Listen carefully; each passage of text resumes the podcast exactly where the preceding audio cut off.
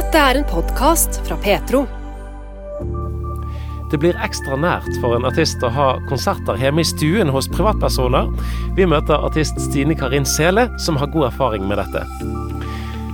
Da en kirke i Chengdu i Kina ble utsatt for razzia og stengt ned av myndighetene, så ble 100 medlemmer arrestert for en kortere tid. Pastoren fikk ni år i fengsel. Det har blitt masse verre å utøve sin kristne tro i Kina de siste årene, sier Stefanus-alliansen. Vi skal òg til Ecuador, der Misjonsalliansen måtte trekke ut sine utsendinger pga. sikkerhetssituasjonen der i landet. Og både trend og trange tider gjør gjenbruksbutikkene stadig mer populære. Vår reporter bestemte seg for å teste det ut sjøl, på jakt etter en bryllupskjole.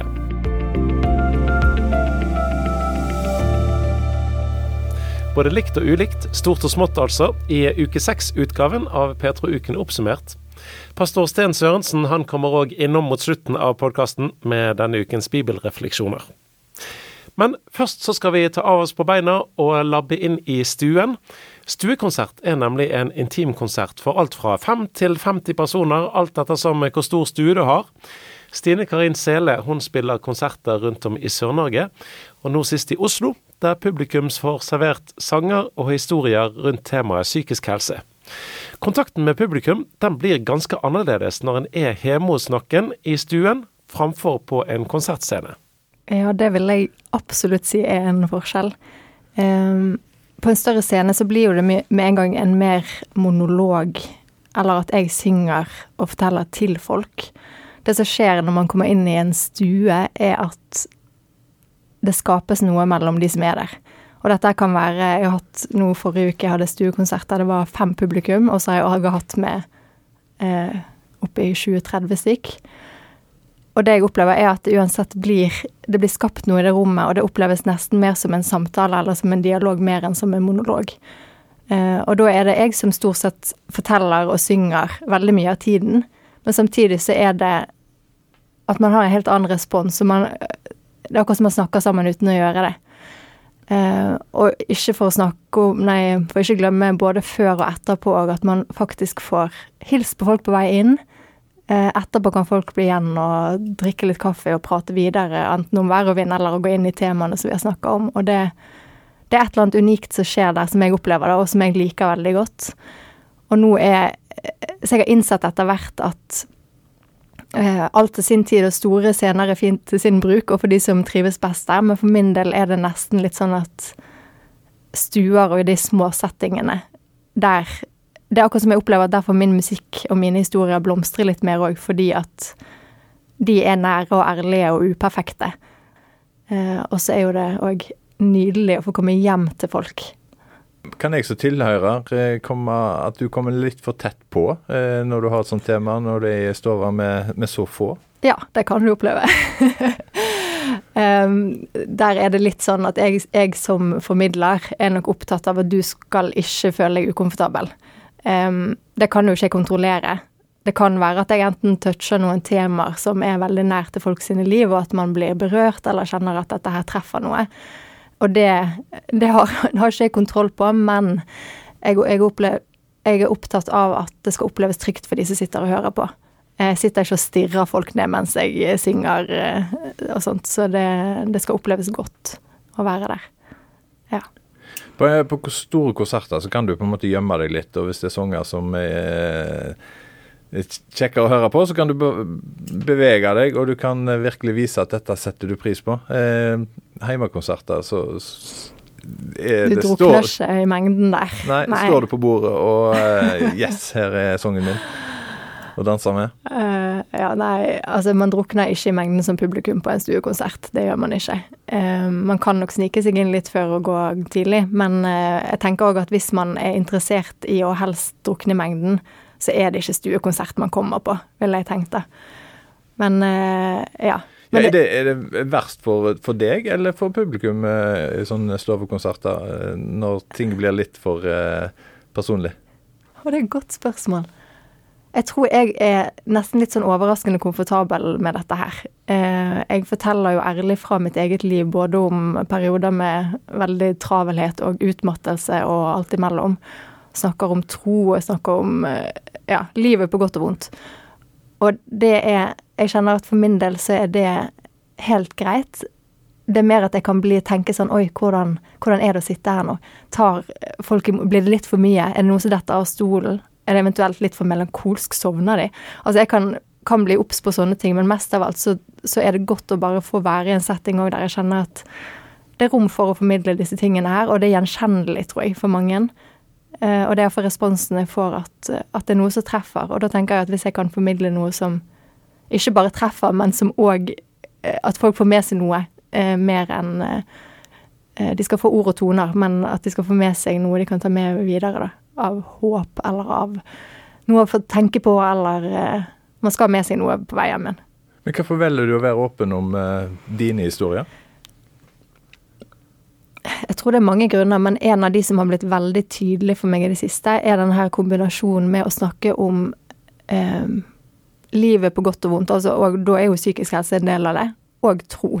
For jeg tenker at vi er hele mennesker, og i hvert fall meg som et troende menneske, så har jeg opplevd så mange ganger at jeg enten har blitt fortalt at troen min må settes litt til side i en jobbsituasjon, eller at jeg kanskje legger press på meg sjøl òg, eller tenker at folk tåler ikke det jeg har å komme med. Folk tåler ikke meg med min kristne tro. Det at jeg tror på Gud og har sanger som handler om Jesus. At det er nesten så jeg tenker at folk utenfor kirken ikke tåler det. Ehm, så det har blitt viktig for meg å kunne snakke ærlig om hele livet. Og jeg blir òg inspirert av folk som gjør det. Som tør å snakke om både erfaringer med psykisk helse og uhelse og snakke om tro, og en tro som ikke alltid er like lett. Det er å tenke òg at ja, jeg tror Gud er der hele tiden, men det jammen meg ikke alltid oppleves sånn. Å kunne sette ord på det, og kunne synge noen sanger som nesten er mer klagesanger enn en gladsanger, det, det har blitt viktig for meg. Det er en del av jobben til Stine Karin Selle å reise rundt og ha stovekonserter. Det betyr at hun eh, òg må ta betaling for eh, konsertopplevelsen. Der har jeg bare måttet finne ut et system som, eh, som gjør at, at, jeg både sikrer noe, men òg tenker det er litt sånn Mange har nok litt terskel for å skulle tenke at man skal betale for å komme inn i stuen til noen. og der prøver jeg å tenke litt annerledes nå, at man betaler ikke for å komme inn døren, men man betaler for en opplevelse der inne. Og jeg var i Ålesund i um, i høst og spilte en stuekonsert der. Og der det ikke var billetter eller noe der folk kunne vippse. Men det jeg opplever, er jo at, at, når folk opplever at de får noe, at oi, dette her, det her var noe, det gir gjenklang, eller det Vi får noe av det, så, så skjønner jo folk òg at å ja, selvfølgelig må man betale. Um, så det, det, er en krevende greie. Økonomi er ikke mitt favorittema oppi dette, men samtidig så, så må Dette er jo litt av jobben min nå. Så det å det å tjene penger på det er jo er viktig, men eh, der snakker jo jeg sammen med hver enkelt av de som har stuekonserten og finner løsninger som funker. Så det skal ikke være Man skal ikke bli skremt av prisen på en stuekonsert, eller av eh, at det koster penger. Og hvis du vil se mer om Stine Karin Sele sine stuekonserter, så kan du søke henne opp på Facebook. Hun pratet med min kollega Bjørn Steinar Haugland.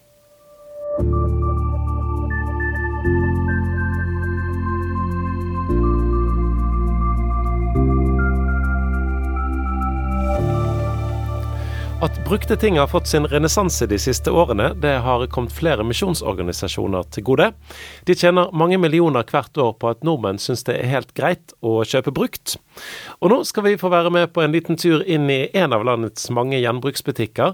For vår reporter Sølvi Olim er nemlig ute på jakt etter et helt spesielt plagg.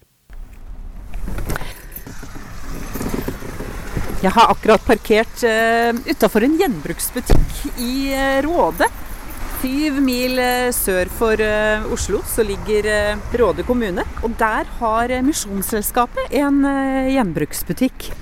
NMS Gjenbruk heter den. Og nå skal vi gå inn for å snakke med daglig leder Knut Lande. Skal vi se om vi finner den. Jeg tror jeg jammen jeg går rett på den, jeg. Ja. Hei, Knut. Så koselig. Ja, takk. Du også.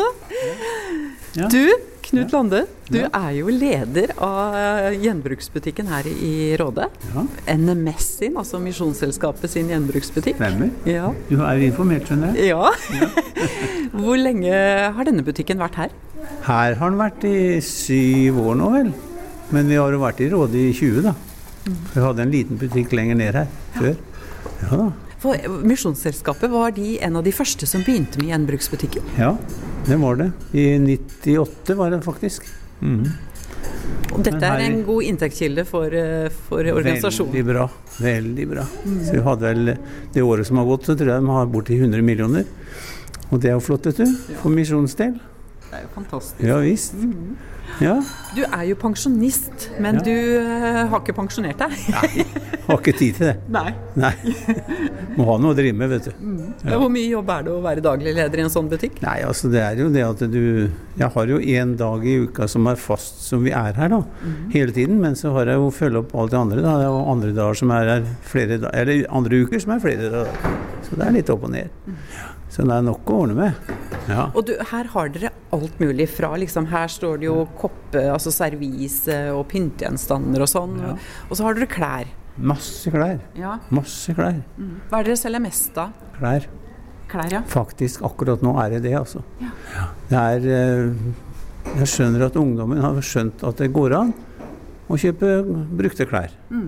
Og vi får jo mye nye klær òg, da, med lappene på. Som folk ikke har brukt i det hele tatt.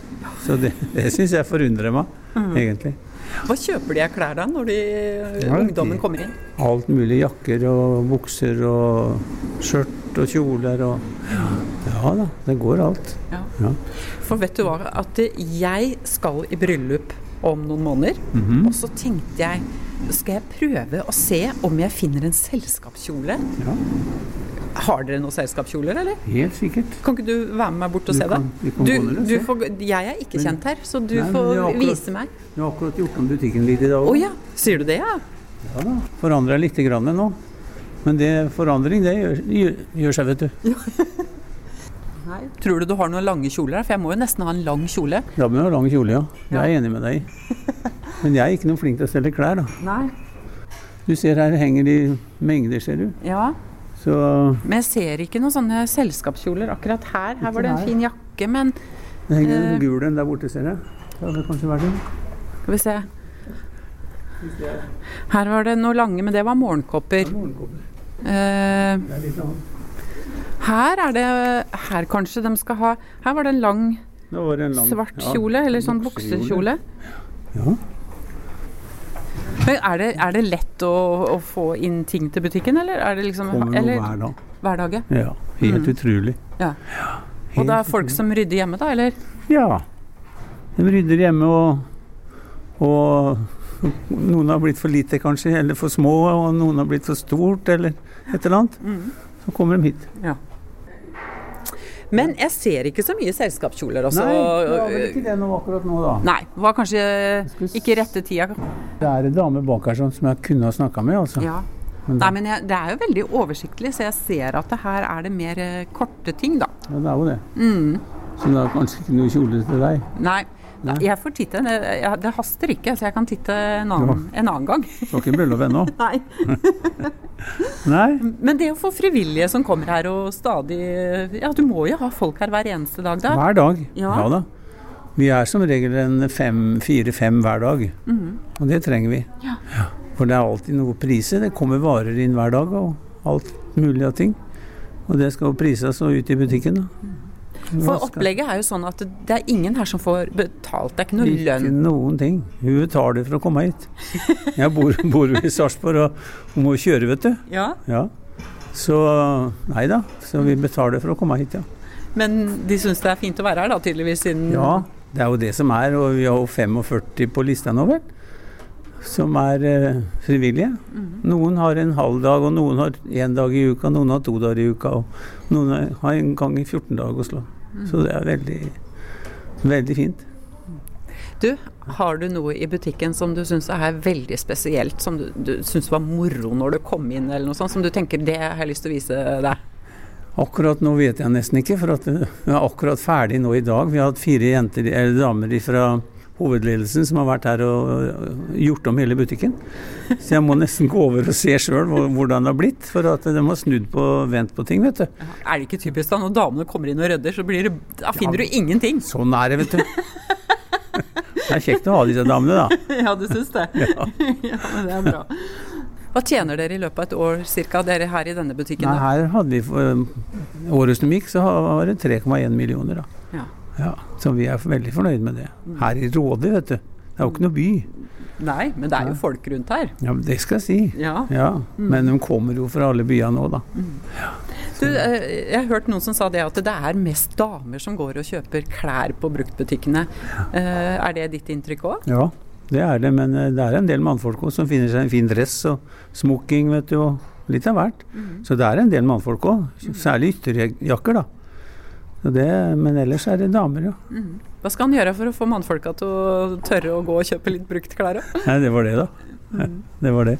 Det kunne kommet og sett her hvor mye dressbukser og dressjakker det var, så hadde de skjønt at det er mye bra Ja. utvalg. Og nå har jeg iallfall fått det fram sånn ordentlig, for at eh, nå henger det liksom mer sånn seksjonsvis bortover.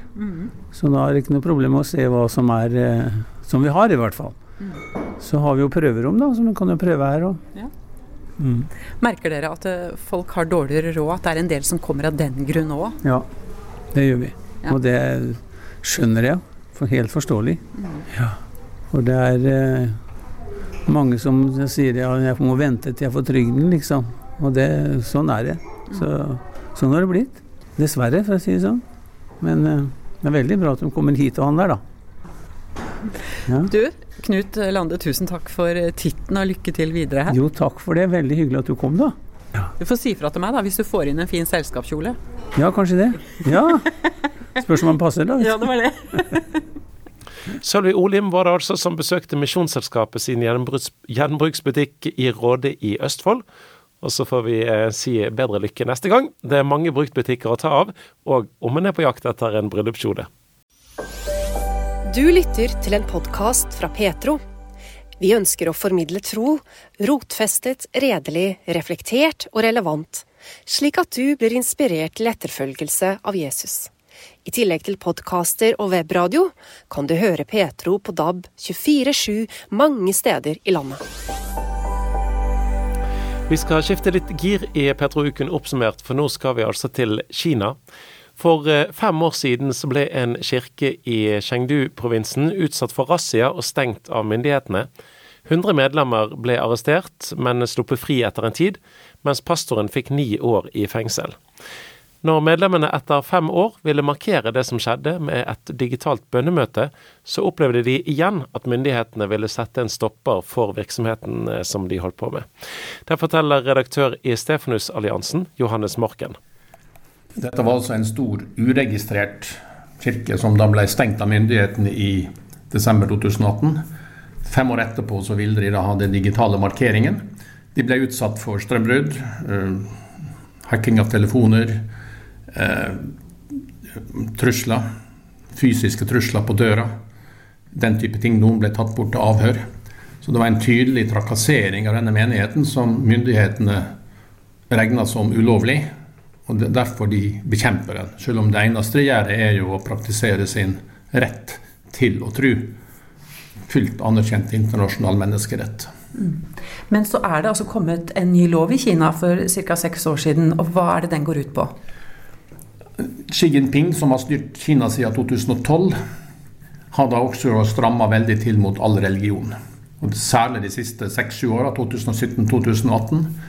1.2.2018 så kom en ny religionslov som stramma til. De uregistrerte menighetene som delvis da i en, sånn, i en periode med litt friere forhold til Kina hadde fått vokse fram også på gateplan, noen større av de. Ikke bare husmenigheter, men også større på gateplan, som ikke da ville være godkjent og registrert av myndighetene. De fikk da valget egentlig mellom å bli en del av den statskontrollerte Tre Sjøl-kirka, eller å stenge dørene.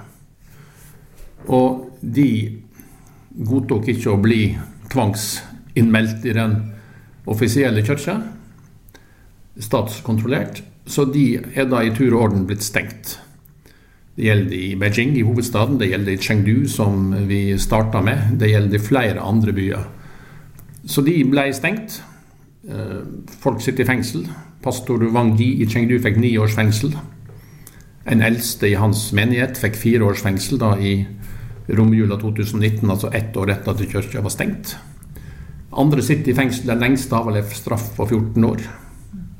Og de ble da fengsla og skylda for å være, ville undergrave, undergrave staten og drive ulovlig forretningsvirksomhet fordi kirka er stempla som ulovlig.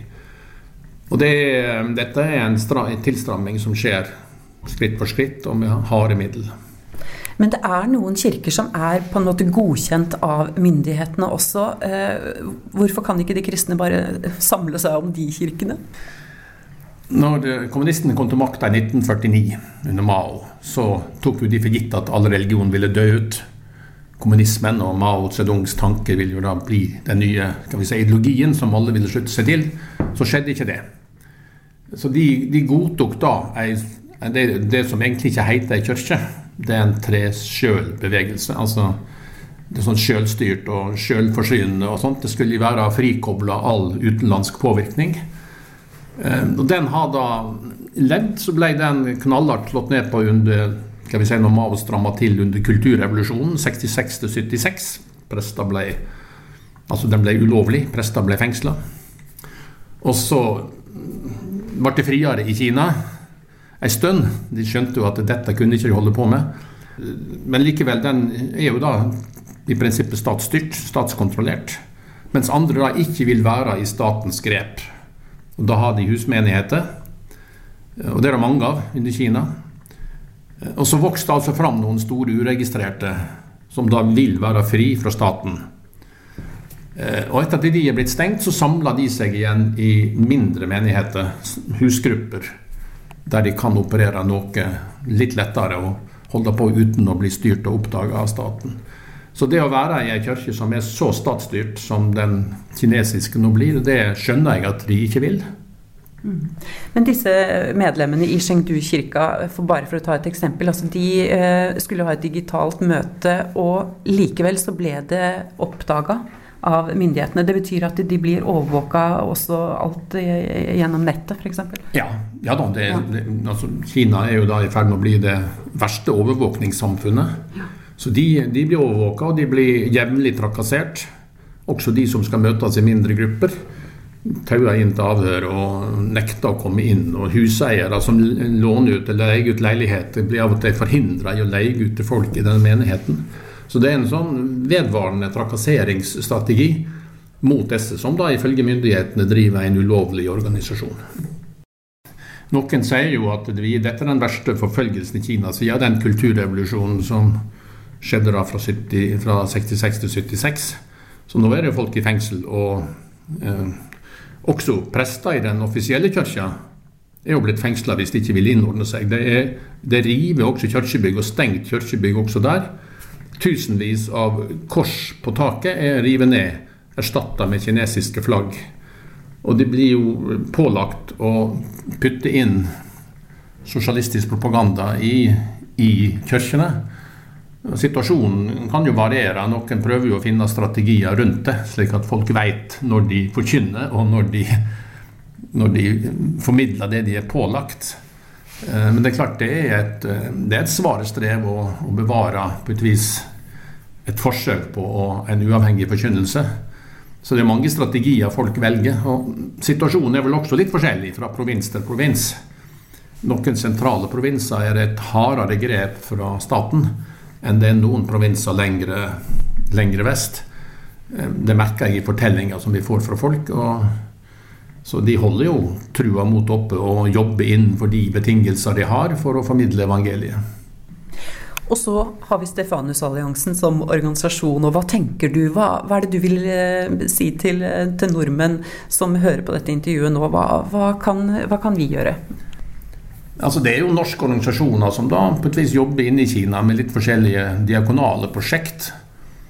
Og De må jo gjerne støttes. Eh, vår rolle er jo å formidle hvordan det står til i Kina med, med trosfriheten, med undertrykkelse, ikke bare av kristne, men også av tibetanske buddhister, av muslimer. Så det er jo å, å, formidle informasjon, slik at folk kan bli interessert. Gjerne be for Kina, be for kristne, be for andre som blir undertrykt. Um, skrive og formidle historier. Så det er på et vis å få opp engasjementet for Kina, som da er nå en veldig sterk global makt. Verdens nest mest folkerike land nå, etter India. Eh, så bekymringen vår på et vis at det går, går feil vei i de store landene, men likevel må vi prøve å vekke interessen og bønneliv f.eks. For, for, for Kina. Er det blitt færre kristne de siste åra i Kina, tror du, pga. den nye loven? Nei, det, det, vil jeg ikke si. Altså, det har jo vært en veldig sterk vekst i antall kristne uten at noen helt veit. Eh, men at det kan være mellom 80 og 100 millioner kristne i Kina, hvis du tar med både de registrerte og uregistrerte. Eh, men nøyaktig tall vet vi ikke. Eh, så, men jeg tror ikke at innstrammingen fører til færre i seg sjøl. Det tror jeg ikke. Vet du hvordan det går med menighetsmedlemmene i Chengdu i dag? Ja, nei, altså De møtes jo i grupper. Og de har jo digital kontakt, jeg vet det. Selv om det er forbudt å ha gudstjeneste digitalt, så er det jo menigheter forskjellig i Kina som, som gjennomfører det. Og de leser sine bibler i filler. Det er jo et internasjonalt støtta bibelarbeid i Kina som pågår med tre-fire millioner bibler i året, som blir produsert og distribuert.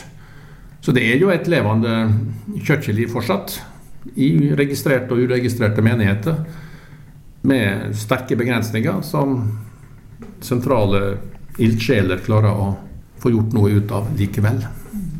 Men det er sterkt å høre om mennesker som eh, møtes eh, med fare for å bli både fengsla og, og, trakassert.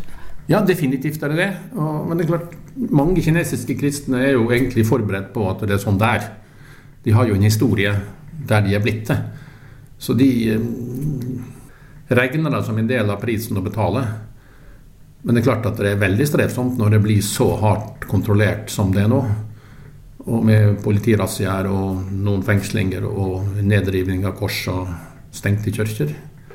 Ikke tvil om det.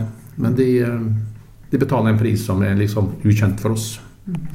Har du noe tro på at det blir bedre for eh, de kristne i Kina med presidenten som er nå?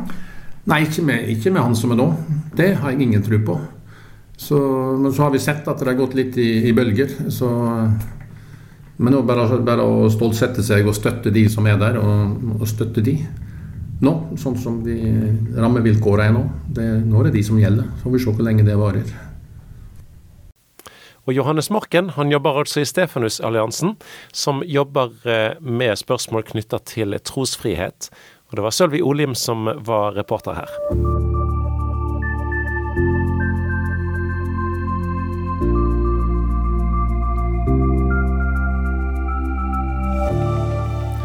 I fjor vår så valgte Misjonsalliansen å trekke sine utsendinger ut fra Ecuador pga. uroligheter og sikkerhetssituasjonen i landet der.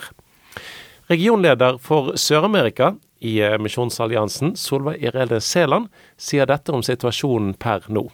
Vi, vi, måtte rett og slett avslutte arbeidsforholdet med dem, fordi vi så at det ikke var, kom til å bli mulig å sende dem tilbake til Ecuador, sånn som situasjonen er nå, og som den har vedvart også opp til i dag, da.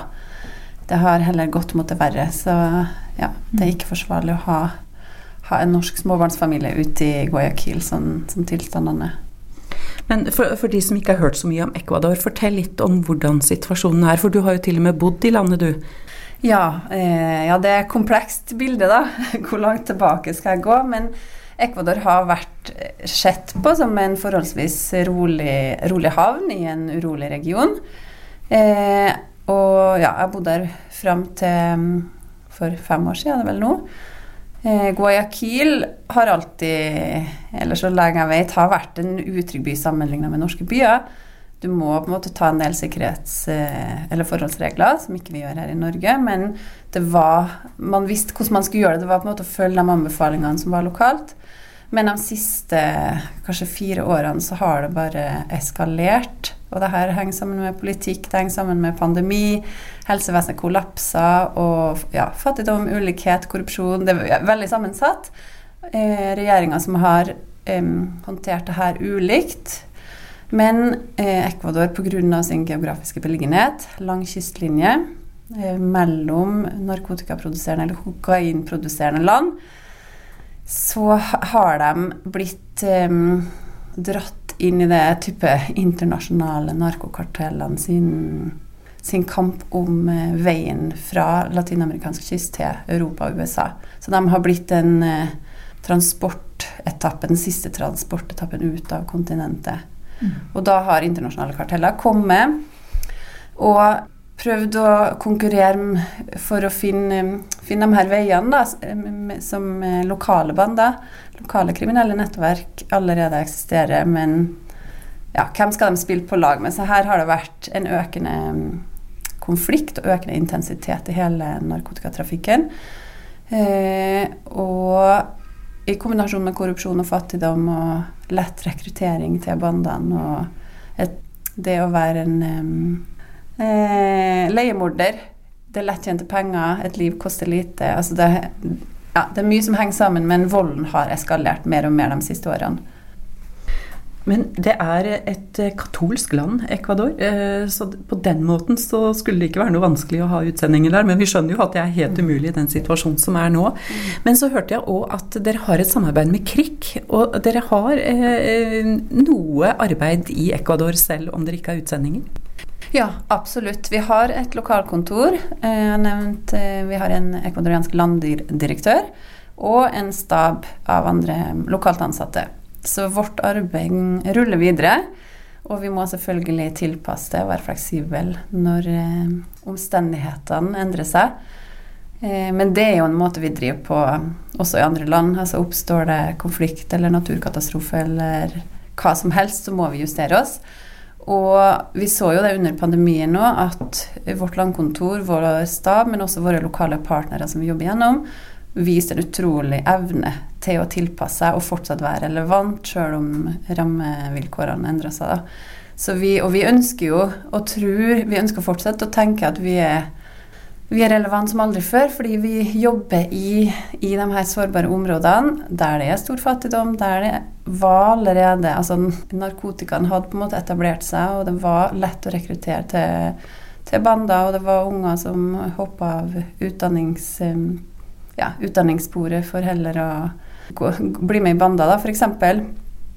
Eh, så vi har jo allerede prøvd å jobbe på et forebyggende nivå. Eh, men tenk at det er minst like viktig nå. Og også at vi må stå sammen med andre aktører. Det er jo noe av den strategien vi jobber etter, at vi må stå sammen for å være sterkest mulig. da. Så konkret, hva er det, det samarbeidet mellom KRIK og Misjonsalliansen går ut på? Ja, det er fritidsaktiviteter for barn og unge for å få dem til å bruke tida si til noe positivt. Ha sunne forbilder. At det er ja, fotballtrenere og andre som gir dem en vei ut, eller viser dem alternative eh, veier. Det kan være gode rollemodeller med verdier. Um, og, og, det som vi snakker om, å bygge motstandsdyktighet i ungdommen, hjelpe dem til å ta gode valg istedenfor dårlige valg. Finn steder der de kan få avkoble hvis de um, kommer fra en voldelig hjem, f.eks. Så det virker som det lykkes, eller? Arbeidet? Det er veldig populært. Det er ønskelig. Og det, er, det starta med fotball, og så har det utvida seg til å være dans, f.eks. For eksempel, fordi at vi ønsker å rekruttere også flere jenter. Absolutt fremma jenter i fotballen, men vi så også at vi måtte ha flere tilbud. Så vi har både dans og musikk og basket. Men det å gå bredt ut for å ja, fange opp ungdommene, da. Eh, ja, så det, det, si det, lykkes fordi det er populært, men vi ser jo situasjonen landet er i, at eh, vi har jo ikke lyktes med å redde en generasjon, på en måte. Det er et veldig stort mål. Jeg vet ikke hva, hvordan situasjonen hadde vært hvis ikke vi hadde jobba med det. Men, eh, men, vi ser jo fra andre internasjonale studier også at fritidsaktiviteter er en av flere viktige ting eh, for å minske vold i ungdomsmiljøet. Det sa regionleder for Sør-Amerika, Solveig Irene Sæland, som arbeider i Misjonsalliansen.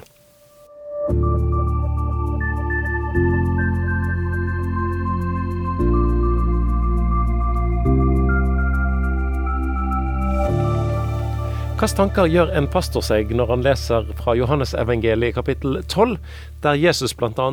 forteller at han skal dø? Ja, Det svaret skal du få ganske kjapt her, for her kommer denne ukens refleksjoner fra pastor Sten Sørensen. Hei, det som er tema, og som blir overskriften på alle mine innslag, det er rett og slett hvetekornets lov. Det står i Johannes evangelium kapittel 12 fra vers 20 og utover.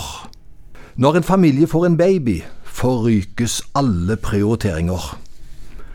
Det er ikke tvil om hvem sine behov som har første prioritet, ofte på bekostning av mor og fars behov for søvn og rekreasjon. Selv om det kan være slitsomt og krevende, så gjøres det med glede og kjærlighet. Barnet settes først. Jesus kaller egentlig dette prinsippet for hvetekornets lov. Dersom vi tar til oss disse visdomsordene fra Jesus, vil det kunne påvirke våre prioriteringer og gi oss et rikere liv. Jesus han forklarer i søndagens tekst hvorfor han må dø. Det er noen grekere som er kommet opp til Jerusalem på høytiden. De ønsker å tilbe jødenes gud, og der får de høre at Jesus som vekket Lasarus opp fra de døde, er i Jerusalem. Er det mulig å møte denne mannen med disse guddommelige og overnaturlige kreftene, tenker de sikkert med forventning. Er det mulig? Dette møtet blir det noe av. Og grekerne og Jesus er i møte. Og grekerne sier i forkant vi vil gjerne se Jesus. De får møte han, og så sier han overraskende og plutselig til dem at menneskesønnen skal bli herliggjort, og hvetekornet må dø for å bære frukt. Hva mener Jesus egentlig med dette at hvetekornet må legges jorden for å dø? Og Jesu død i påsken det fører faktisk alt med seg at nytt liv spirer fram, og at tilgivelse for syndere blir tilgjengelig for alle mennesker. Og det er egentlig det som er timen. Timen er kommet da menneskesønnen skal bli herliggjort. Og Jesus han henter her et bilde egentlig fra bondens hverdag. Han som sår hvete. Et uh, mer moderne bilde som passer for meg og min oppvekst, var når jeg var liten og gikk på skolen, så hadde vi potetefri på høsten. Nå er det høstferie, men da var det potetefri det kaltes, og da var vi sammen med bøndene og henta poteter. Poteten ble lagt i jorden om våren. Noen måneder senere kan bonden høste mange poteter fra den ene poteten som ble lagt i jorden. Selve settepoteten har råtnet og gått til grunne men den har gitt liv til nye poteter. Her gjelder loven at noe må dø for at nytt liv kan skapes. Hvetekornet som Jesus snakker om i teksten, hans poeng er at hvis ikke han dør, så blir meningen og hensikten med hans liv her på jorden egentlig bortkastet. Det ble ikke noe ut av det, men Jesus måtte dø. Men når han dør, så kan mengder av nytt liv spire fram. Når hvetekornet dør, så bærer det mye frukt, altså åndelig liv, og nye Guds barn. Dette er egentlig hva vi kaller for hvetekornets lov. Og det har jeg opplevd, og det er en fantastisk sannhet.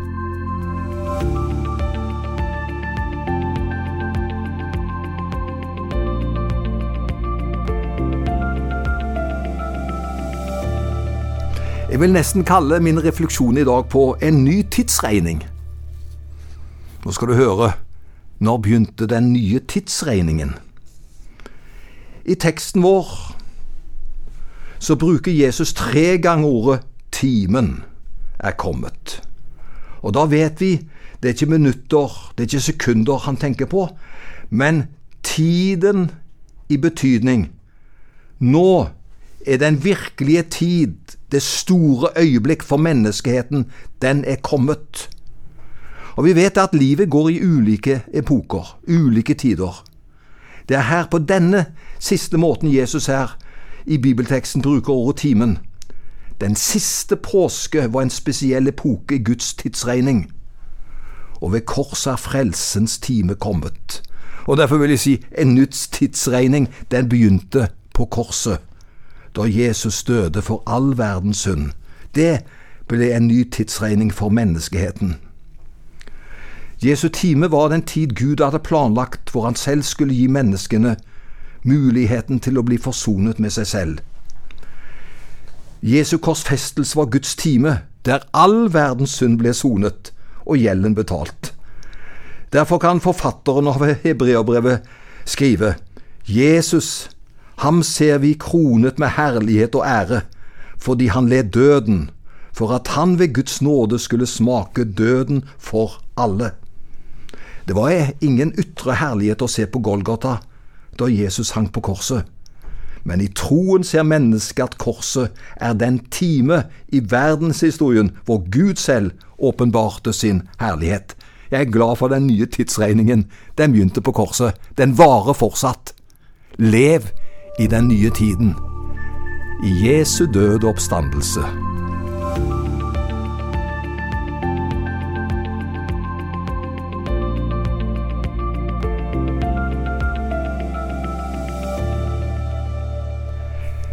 Jesus påførte djevelen et sviende nederlag da han døde på korset og sto opp igjen. Og legg merke til at han sier i det som er teksten på søndag. Han sier alt som skjer denne påsken er for deres skyld, sier han. Da Jesus døde, tapte djevelen. Korset er den ondes nederlag. Jesus uttrykker dette på følgende måte. Nå skal denne verdens hersker kastes ut. Dessuten fungerer Golgatas kors som en magnet. Når jeg blir opphøyet fra jorden, skal jeg dra alle til meg. Og mennesker i store skarer har i snart 2000 år blitt trukket mot soningsstedet for menneskehetens synder. Derfor er korset så viktig for oss. Vi lever jo i en verden der onde ting skjer. Det vet vi. Og den onde er ikke helt slått ut av spill, men det er noe han ikke kan røre. Han kan ikke røre kontakten mellom deg og Gud. Jesus har gitt oss et indre liv som ingen i hele universet kan ta fra oss. Seieren er vunnet, og vi er på det seirende partiet og på det seirende laget. Jesus sto opp, og vi har vunnet.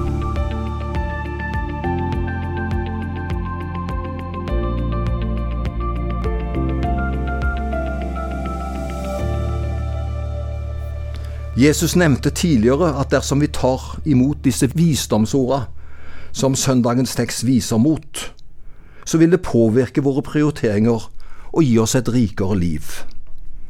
Det har med å miste seg sjøl, det har med hvetekornet som faller i jorden og dør for å bære rik frukt. La meg anvende hvetekornets lov i vårt daglige liv. Hvetekornets oppgave er å gi liv til de som er rundt hvetekornet.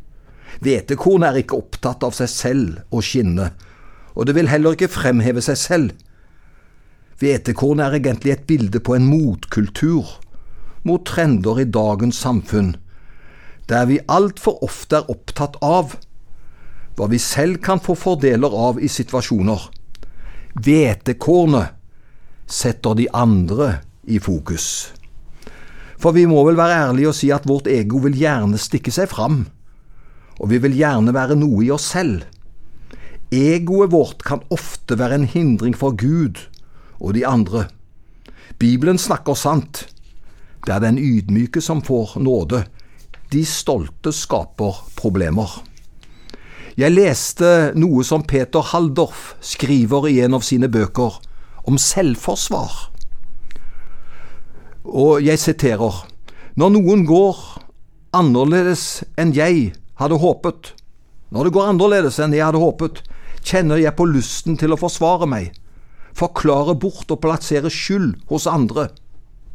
Eremittene i ørkenen beskrev selvrettferdiggjørelsen som den tunge byrden.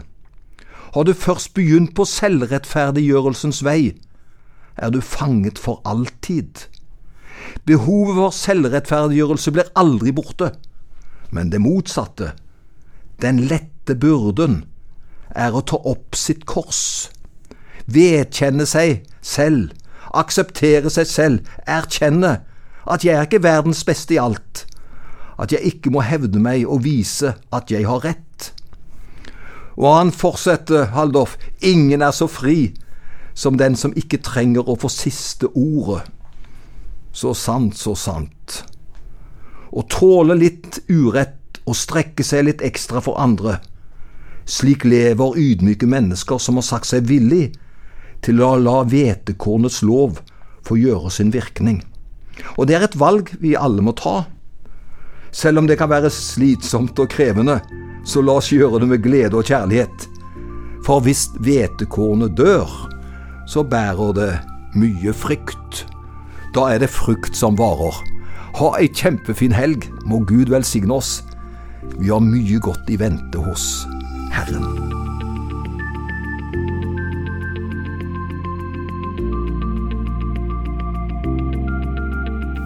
Petrouken oppsummert kommer med en ny utgave hver fredag ettermiddag. Denne utgaven er, som du eh, ser og hører eh, etter hvert her, straks ferdig. Jeg heter Bjørn Inge Sagstad. Tusen takk for at du eh, hørte deg gjennom hele podkasten. Vi høres igjen.